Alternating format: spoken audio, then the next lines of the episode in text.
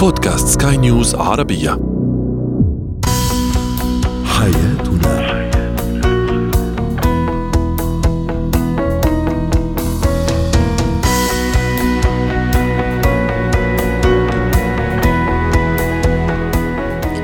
مستمعينا الكرام أهلا بكم معنا إلى حياتنا. فضاؤكم اليومي الذي يعنى بشؤون الأسرة وباقي الشؤون الحياتية الأخرى والذي يمكنكم الاستماع إليه عبر منصة سكاي نيوز ارابيا dot com slash podcast وباقي منصات سكاي نيوز العربية الأخرى. معي أنا أمال شاب. نتحدث اليوم عن الزوجة آه، المستقلة برأيها وأيضا صاحبه التي تتخذ قراراتها بنفسها. هل يفضل الزوج الارتباط بهذا النوع من الزوجات وبهذا النوع من السيدات؟ أيضا سنتحدث عن كيفية تعليم الطفل الانضباط. الارتباط وأخيرا كيف نستمتع بالحياة.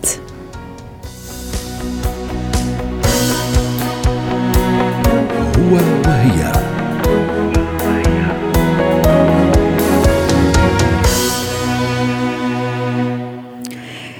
سنتحدث كما قلت في فقرة هو وهي عن المرأة المستقلة.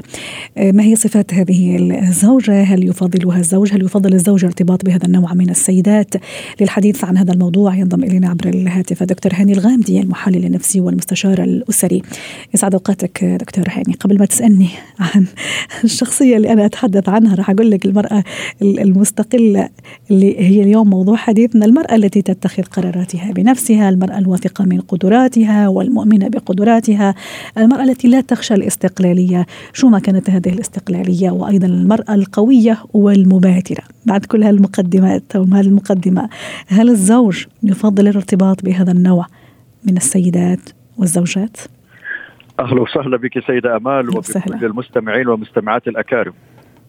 إيش بقيتوا لي في ذكوريتي لما تجيبوا لي وحدة هي اللي تقرر وهي اللي ما شاء الله عليها مبادرة وهي اللي تقود. ما عاد بقي شيء بالنسبة لي أنا كذكر. أنا أتحدث بلسان بعض الذكور.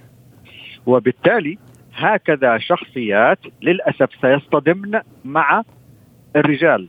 بمعنى أن الرجل يحب حاجة مهمة يا سيدة أمال اسمها الذكر المهيمن. وكلمة الذكر المهيمن هذه لو ترجمناها بالعربية طبعا هي مترجمة ولكن خلينا أقول الذكر المهيمن ليس الذكر المستعبد إنما الذكر المهيمن انه أنا أستشعر ذكوريتي معها. بمعنى إنه استنير برأيي وإنه أنا ما زلت موجود. فاكرين أنا دائما أقول طفل أبو شنب طفل أبو شنب يا أمال. الرجل طفل أبو شنب بمعنى إنه هو في داخله الطفل يحب حتة إنه أنا أستشعر وجودي كرجل. فطرة الرجل بإنه أنا أقود المرأة. وخليني أديك مفاجأة يا امال هنا. المرأة اللي ما تستمتع بإنه الرجل هو اللي يقودها فيقينا عندنا إشكالية في مفهوم الأنثوية لديها. الله أكبر. إيش قاعد تقول يا أبو عبد الرحمن؟ أنا أقول لك فرق كبير ما بين الاستعباد وما بين الخنوع والخضوع وما بين الأمر اللي يصل بالمرأة إنها تذيب شخصيتها وما بين المرأة اللي تستمتع فطريا بانه الرجل هو صاحب القيادة. الرجل فطريا صاحب القيادة ليس بأنه هو ينهي أو يدمر آرائها أو أنه هو لا يأخذ برأيها. أنا ما أتكلم على هكذا نوع من الرجال أنا أتكلم على الرجل القائد الرجل المحب الزوج اللي هو عارف قيمة زوجته ولكن تستمتع هذه المرأة. بفطرتها الطبيعية أنه هناك رجل ما تستند إليه في استصدار القرار أما المرأة يلي بكل أسف قد إنها تفقد أنثويتها من خلال اعتقادها بأنه استقلاليتها بالرأي وأنه أنا سأكون ند بند وإنه أنت إذا عندك رأي فأنا عندي رأي وإذا أنت عندك مسار فأنا برضو عندي مسار وإذا أنت ما تبغى فأنا أبيع. أعانها الله على حياتها. هنا يجب أن إحنا نتذكر كلمة مهمة. المرأة الفطنة الذكية هي اللي تحتوي الرجل حتى وهي أذكى منه لأنه بذكائها تعرف كيف تتعامل مع طفل أبو شنب بذكائها تعرف كيف تحتوي هذا الرجل وتعطي له جو لو جاز التعبير. وفي الآخر يا أمال حتنفذ اللي في رأيها ولكن بذكاء. وفطانه واعتقادا منه انه هو اللي عم ينفذ طبعا رأيه دكتور طبعا هاني. طبعا أكيد. وهنا الذكاء يا أختي بارك الله فيك. إحنا إنه الاعتداد بالرأي وخليني أنا أتكلم على حاجة مهمة هنا مم. قبل ما تطرحي علي السؤال الثاني. حقيقة المرأة مهما كانت ذكية مهما كانت ذكية انتبهي مش حقول إنه ما حتصل إلى مستوى رأي الرجل ابدا. الماطور بتاع المرأة وماطور الرجل اللي هو العقل الاثنين متساويين. بدليل يا أختي وهذا كلام مهم جدا إنه العقوبات الربانية نزلت متساوية. لو كان عقل المرأة أقل اعمالا من الرجل أو أقل آه، آه، مكينة من الرجل كان رب العباد أرحم بنا كان ادانا قوانين مختلفة. عقاب هذا الرجل شيء وعقاب المرأة شيء في نفس الذنب. ولكن العقوبات الربانية متساوية. إذا معنى ذلك أن المرأة تمتلك نفس الموتور نفس العقل نفس الإعمال نفس التفكير ولكن هناك مهمات للأنثى وهناك مهمات وأدوار للرجل وبالتالي اختلطت الأمور في زمننا الحالي بل وكانت مختلطة بشكل أكبر حقيقة عشان نكون واضحين وواقعيين في زمن سابق بأنه كانت المرأة يهضم حقها وتستغل وتستعبد. اليوم بس معليش كمان في زمن في, في زمن دكتور هاني. لا بالعكس المرأة كانت أيضا هي التي ممكن تروح للزراعة تروح للمزرعة هي اللي تجيب المية من البير خلي أقول هي اللي تروح تحصد وهي اللي تروح تجني وما إلى ذلك. هذه أيضا قوة وهذه أيضا استقلالية. وهذا صحيح ولكن هذا في عالم شريحة الفلاحين. أو بعض الأشخاص لما نروح على المدن اللي كانت مدن صغيرة في ذلك الزمن 40 و60 وأكثر وعندنا أكبر مثال أوروبا كيف كانت المرأة تستخدم وتستعبد وتستهان بشكل كبير إلى قبل 60 سنة. اليوم عندنا حقوق للمرأة ولكن يا أختي ويا بنتي بارك الله فيك لا يصل بك الأمر إنك تنسي ذكائك الفطري الأنثوي. خليكي ذكية عشان تحتوي طفل أبو شنب عشان ما تخسر الجولات وفي الآخر اللي تبغيه ترى حيصير ولكن بذكائك وفطانك. رائع. دكتور هاني يمكن أيضا في في في لغط ولا في شعرة معاوية خلي أقول لما نقول مثلا المرأة مستقلة ممكن أيضا البعض يفكر إنه متسلطة ممكن يفكر إنه مستبدة.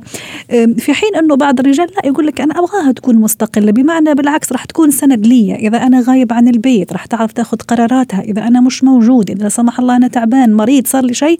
لا في في في جانب إيجابي وفي جانب مضيء وفي كثير أزواج يفضلون هذا النوع من الزوجات. لأنه ما راح تستنى لا يرجع بعد عشرة أيام لتأخذ قرارها. ممكن أحيانا القرار نعم. يحتاج قرار آني. يا سلام. وهذا الأمر على فكرة يا أمال نقدر نطبقه بمثل موجود عندك وعندي وعند أغلب المستمعين والمستمعات اللي هو المنظمات الإدارية اليوم. لما يكون عندي مدير ولا ليدر قائد ولا مدير إذا كان مدير فهو شخص حيجبرني على أن أفعل ولا أفعل ضمن توجيهاته المباشرة ورأيه المستند إلى مرجعية داخلية بهذا الشخص. لكن لما يكون leader قائد معنى ذلك إنه هو حيعطيني الفرص ويعطيني ال delegation والتفويض بإنه أنا أقوم ببعض المهمات. نفس الأمر يا أختي يتم في بيت الزوجية. بالضبط نفس الأمر. لما يكون رجل متسلط ما تكحوا غير بإذني ما حد يخرج غير بإذني ما حد يسوي غير بإذني. وإذا عملتي وأنا غايب أجي وأعمل لك فيها على قولتهم قضية. لكن لما اكون قائد حقيقي وزوج محب وأب فاهم معنى إن كيف أبني فريق يعتمد على ال self managed team بحيث إنه في الآخر فريق يؤدي مهماته تلقائيا وأعطي ال delegation والتفويض عشان أرفع من مكانتك كزوجة وأخلي لك كلمة وأخلي لك وجود وأحسسك في كينونتك الأنثوية ونكون سند لبعضنا البعض لكن فين نلاقي يا أختي؟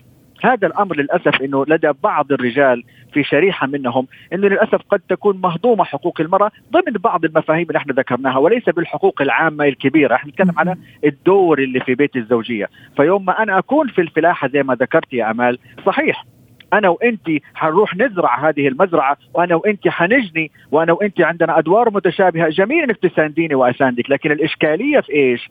إنه لما أنا امرك وأحولك إلى عامل عندي أو إلى مستعبد عندي وبالتالي أنا أستشعر هكذا ذكورية من خلال استعبادي فيكم. بل وين؟ وينسحب الأمر حتى على الأبناء. هنا معناته عندنا اختلال في شخصية هذا الأب إلا من رحم ربي. حقيقة يا أمال وهذا أمر منتشر وبقوة يا أختي حتى في زمننا الحضاري اللي متفاعل بهذا الزمن اللي إحنا فيه الا أنه ما زال هناك بعض الأشخاص بكل أسف هو لا يميل إلى أن يكون هناك معنى الاستقلالية، الاستقلالية بالمعنى الجميل اللي حضرتك ذكرتيه يا سلام.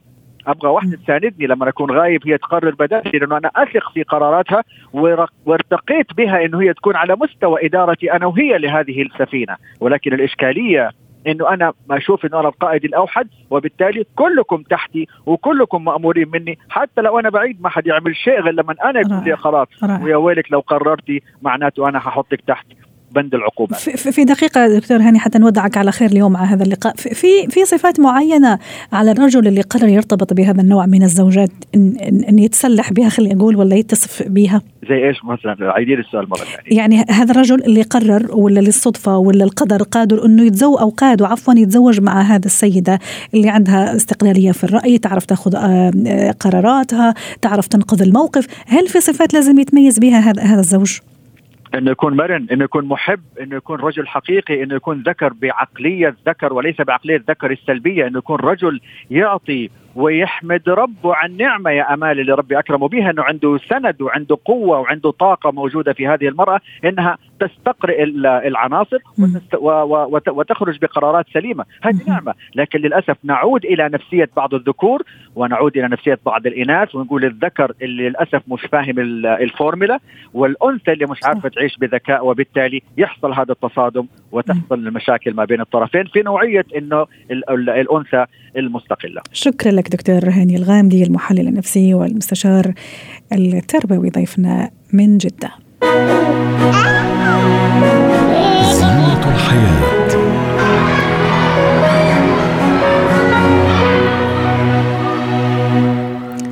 اليوم في زينة الحياة سنتحدث عن الانضباط ولما نتكلم عن الانضباط سيكون آه، طبعا الانضباط والطفل ممكن هذه معادلة شوي صعبة لأنه الطفل معروف بانطلاقه بعدم حبه للقيود والأوامر وما إلى ذلك. كيف أبني أو كيف أربي طفلي؟ هل في خطوات معينة أعود طفلي على الانضباط؟ خلونا نعرف إجابة هذا السؤال مع دكتورة ريما بجاني الاستشارية النفسية والتربوية. سعد أوقاتك دكتورة ريما. آه، أنا عندي آه، طفل أو اثنين آه، في البيت وفي مرحلة طفولة مبكرة خلينا نقول سنتين ثلاثة بلش يمشي بلش يتكلم وبلش يتعرف على العالم الخارجي و و وأنا حب النظام حب الانضباط في بيتي في النهاية لازم يكون انضباط في هذا البيت وقواعد لازم نمشي عليها والطفل يعني يكره في الانضباط وفي القواعد يحب الانطلاق ويحب الحرية. ممكن نعلمه الانضباط دكتورة ريما؟ صحيح. أول شيء مرحبا للجميع. أهلا وسهلا فيك. اليوم أول شيء بدنا نبلش نعرف شو يعني الانضباط.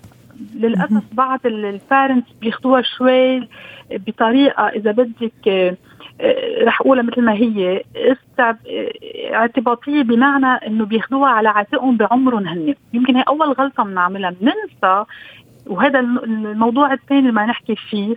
يعني حضرتك عم تقصدي يعني زي ما أنا آه، أحب يعني أنضبط احاول ابني إنه يكون منضبط زيي.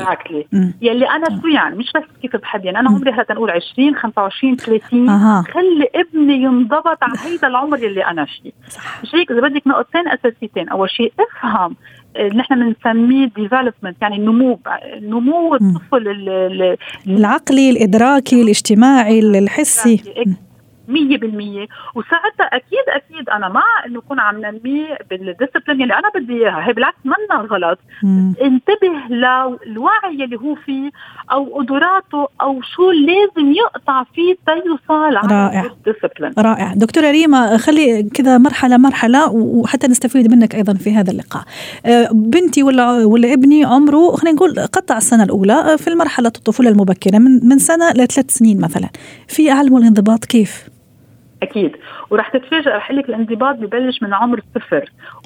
بس نحكي عن النمو بنحكي عنه. يعني أنا اليوم وقت أكون عم بعطيه ال biberon أو عم بعطي يعني عم بعطيه الحليب أو عم غير له عم بحكيه عم بعمل له communication عم فسر له عم علمه على ال emotions الولد بعمر وقت يخلق بده ياكل بيبكي بده يتحمم بيبكي بده يقوم بيبكي.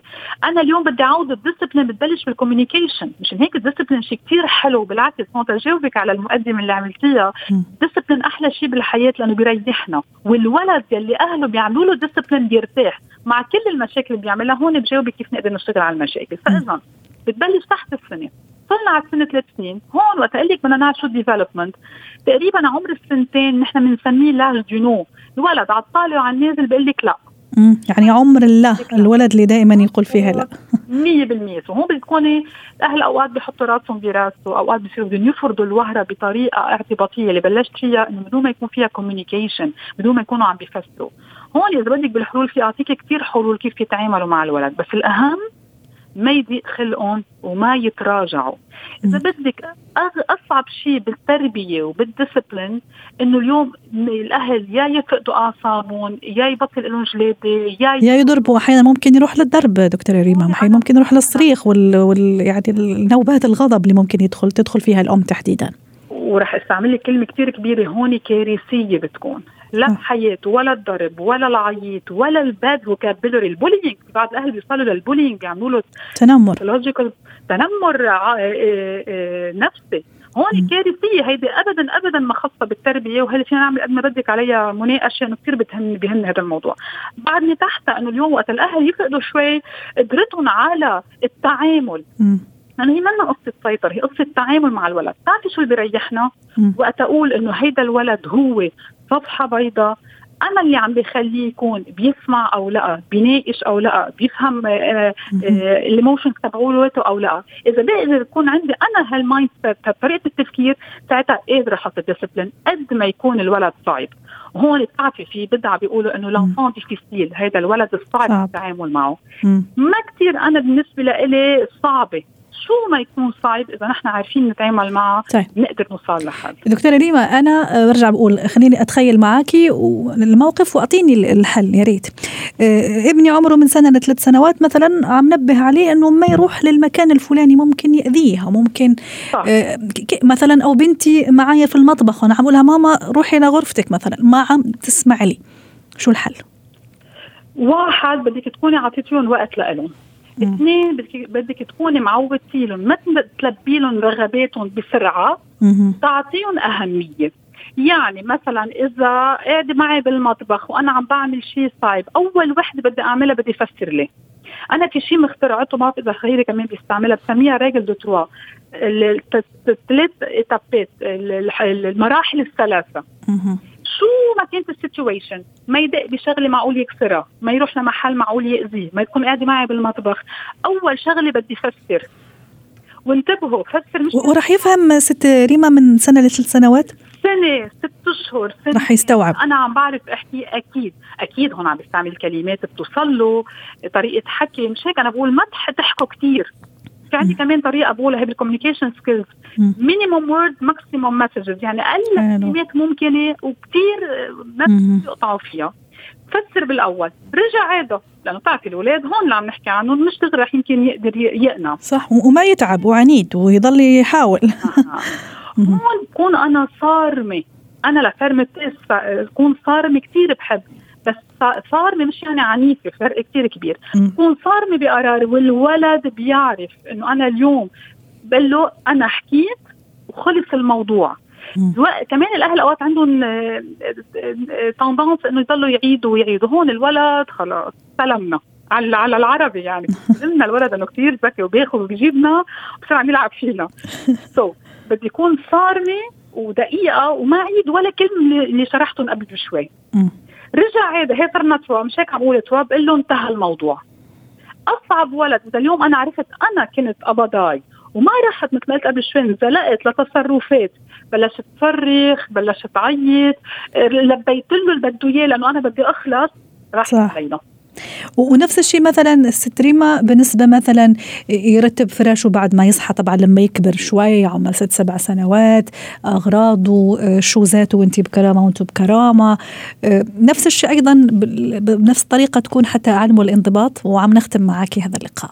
تفضلي رح أقول لك شو بنعمل. بنبلش عمر السنتين يمكن إذا شلح الشوز يحطوا محله. على عمر الأربع سنين إذا لون ولعب يرجع يضبهم عمر الست سنين يضب تخته وتصلي له. عمر ثمان سنين آه، على الوقت يكون. يعني كمان هون برجع للنمو الذهني للولد. بكل عمر شو قادر. يعني عمر السنتين وقت بدك تبلشي تعودي تضب لعبه لوحده بدك تكوني معه عم بتضبيهم شو الكلمات اللي عم تستعمليها؟ يعني لعبنا وخلصنا. هون كمان في أمات ما فيهم يتحملوا البيت كمان إذا عم يلعب الولد. كمان بدهم يعطوه وقته. إنه أنا هلأ بحاجة الولد يلعب بكل لعبه. لو أنا يمكن عندي OCD ما بحب يكون كل الدنيا خربانة صح. بس أعرف بس أنا وياك رح نضب. على ثلاثة بلش بجيب ساعتك على الأربع سنين بضب لوحده. هي دقيقة كثير بدها طولة بال بس بدها plan planning و management واضح. شكرا لك دكتور ريما بجاني. ساعتين اليوم بهذه المشاركة القيمة والمفيدة. كنت معنا من بيروت. يعطيك العافية. مهارات الحياة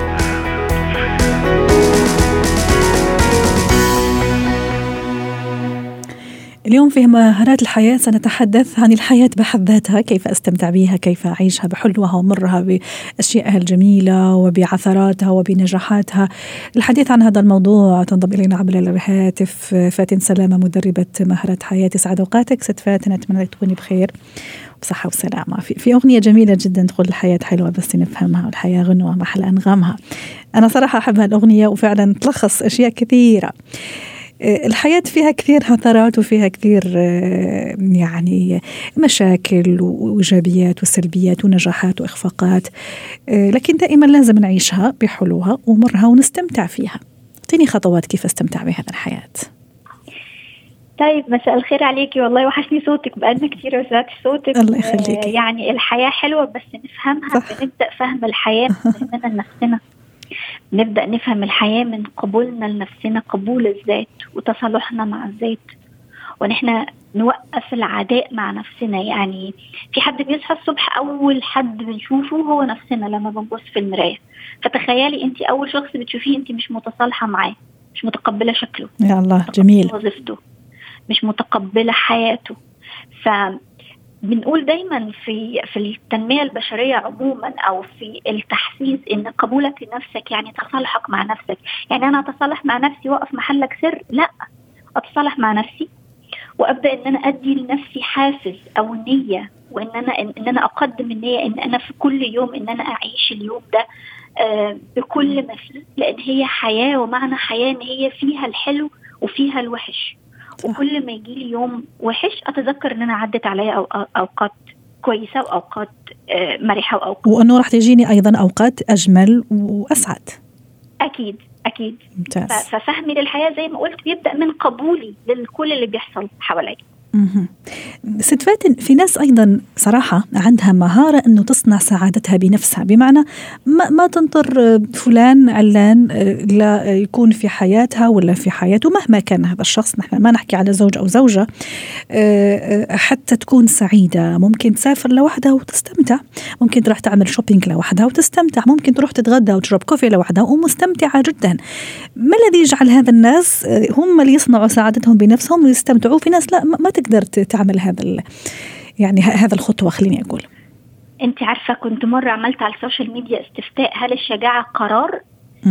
السعادة قرار ولا السعادة لحظة أو موقف. يعني هل أنا بحتاج حد معايا ولا بحتاج لأشياء معايا عشان أكون سعيدة ولا أنا بقرر إن أنا أكون سعيدة؟ في كان في يعني من من ال workshops اللي عملتها اللي هي العادات السبع للناس الأكثر سعادة. كان من أهم العادات السبع للناس الأكثر سعادة هي شجاعتهم في إن هم يتقبلوا أو يقدروا إن هم يتغلبوا على خوفهم. خوفهم من بكرة خوفهم من الفشل خوفهم من إن من فراق خوفهم من أي شيء بيحصل في الحياة. مش معنى كده إن أنا مش هيكون عندي خوف لا أنا هكون خايفة. بس أنا أتغلب على الخوف ده بإن أنا زي ما قلت هخرج هنسى الشيء السلبي اللي موجود في حياتي وهعمل لمخي هديله هقول له بلاش تفكر في الأشياء لأن مخنا دايما بي يعني سهل جدا إن إحنا نسيطر عليه بإن إحنا نديله أشياء تانية يفكر فيها. فلو أنا اديته أشياء تانية يفكر فيها الأشياء دي إيجابية فبالتالي أتغلب على الخوف بتاعي وهقدر إن أنا أستمتع بالحياة. طب في نقطة أخرى حابة تقوليها لنا ست فاتن يعني من موضوع الاستمتاع بالحياة؟ من الاستمتاع بالحياة أنا دايما بقول لازم إن يكون عندنا النية القوية إن إحنا نستمتع بالحياة ان إحنا نكتب ده دايما نكتبه ونسجله وندونه علشان نفكر نفسنا دايما إن إحنا بكرة أحسن وإن إن شاء الله اللي, اللي ربنا كاتبه لنا هو هيكون خير نتجنب دائما الندم نتجنب كلمة يا ريتني نتجنب إن إحنا نلوم نفسنا وإن إحنا نجلد نفسنا نكتب الهدف بتاعنا ولازم يكون عندنا دايما رغبة إن إحنا نعيش الحياة في سلام وفي سعادة. أنا في طريقة جدا تعجبني صراحة في, في موضوع التنمية البشرية اللي هو موضوع الامتنان. أيوة. آه، آه، رائعة جدا. أنا تعجبني كثير هذه النقطة. الامتنان يعني تصور أنه مفتاح من مفاتيح أشياء كثيرة. أني أكون سعيدة أني أكون مبسوطة أني أشوف الغد أجمل أني أتصالح مع نفسي مع الآخرين وما إلى ذلك. وش رأيك؟ والله أنا تمرين الامتنان يعني حتى من من طلبة المدارس.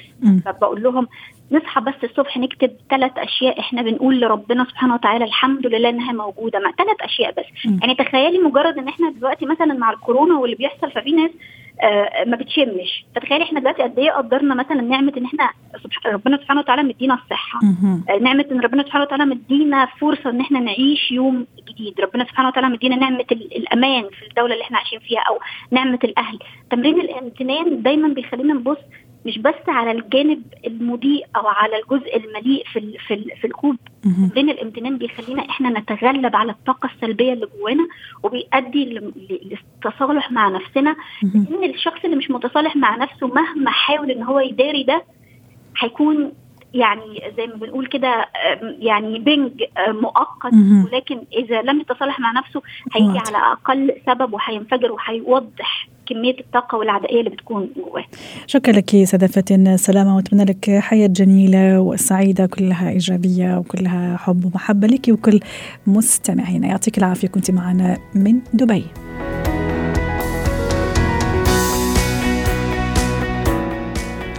ختام حلقة اليوم من حياتنا. شكرا لكم وإلى اللقاء.